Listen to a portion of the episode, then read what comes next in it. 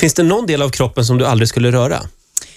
Eh, ögonen skulle jag nog aldrig, aldrig röra. Jag skulle aldrig lägga mig under kniven och göra liksom ett drastiskt ansiktslyft där jag stramar upp och ser ut som Mm. en katt. Liksom. Det skulle jag aldrig göra. Och om, om man, eh, eh, jag vet inte hur jag ska uttrycka mig nu, men om man tar då själva eh, underlivet så att Underredet säga. Ja. kan vi kalla det. Underlivet.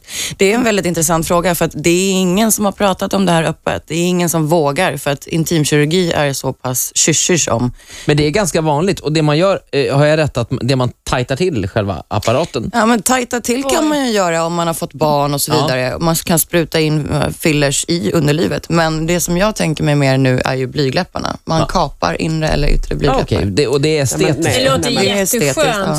Hur lång tid tror du det tar innan det slutar göra ont? Eh, min tjejkompis har gjort det och det slutar göra ont ungefär efter en månad. Och det är, då, är det ditt nästa planerade ingrepp, eller? Eh, ja, jag har ju funderat på det här väldigt, väldigt många år eh, och efter den här inspelningen så har jag ju funderat fram och tillbaka, fram och tillbaka, fram och tillbaka. Men jag har faktiskt inte riktigt bestämt mig om jag ska göra den här operationen eller inte. Men du, får jag fråga, för jag är väldigt positiv till plastikkirurgi, särskilt när det gäller alltså, i rekonstruerande, eh, den funktionen.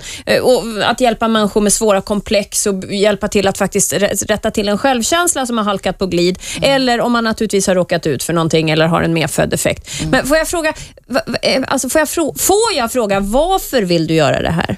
Ja, det bottnar Men det ju vi ju antagligen nyss. i... Ja, men det, jag tror Nej, att det, inte varför. det bottnar väl i eh, dålig självkänsla. Eh, man, man skapar sig en, en trend. Eh, det finns ett mode och man har tillgång till nätet och man kollar på porrfilmer och alla snippor ser så himla vackra ut. Och så kommer man till gymmet och ser snipporna jätteannorlunda ut. Och så tycker man att, men gud vad ful min snippa är.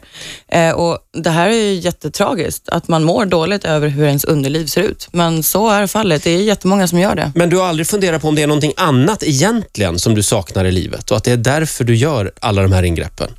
Det kan man ju alltid ställa sig frågan, men eh, just nu så saknar jag ingenting i mitt liv. Jag Du är lycklig allting. och Jag harmonisk. är så lycklig och Men så det, kär. känns, det känns lite grann som att du ser på det mer som en hobby. Alltså, Roger, har du, du har sommarstället och, och, du har dina, och du har den här snippan och som du vill ändra på. Och, du- ja, Men, tror du att du eh, någonsin kommer att bli nöjd? Ja, men jag är nöjd, men det här är ju likadant. Man, man tränar ju hela tiden för att komma i bra form. Man, eh, man äter rätt för att vara, hålla sig snygg och hålla sig frisk. Och det här är ju någonting som, som vi tjejer som har dåligt eh, självförtroende eller liksom känner att det här är någonting man vill ändra på. Det, har ju samma, det bottnar ju i samma sak. Man vill vara fin. Mm. Eh, ja. Ryktet säger i alla fall att Joel Kinnaman tyckte du var väldigt fin. ja, men Den- du, det tyckte har jag han också säkert. hört. Det har jag också hört. För ni, ni, ni tillbringade en natt ihop för några år sedan. Ja, vi tillbringar en natt ihop. Men nu kommer min pojkvän bli jätteledsen. förlåt. Ja, nej, men det var inte meningen. Men det här, har stått, också- det här har stått på nätet. Ja, jo, vi vi hade en också- trevlig natt. Vi hade till och med två. Oj då. Oj. Ja.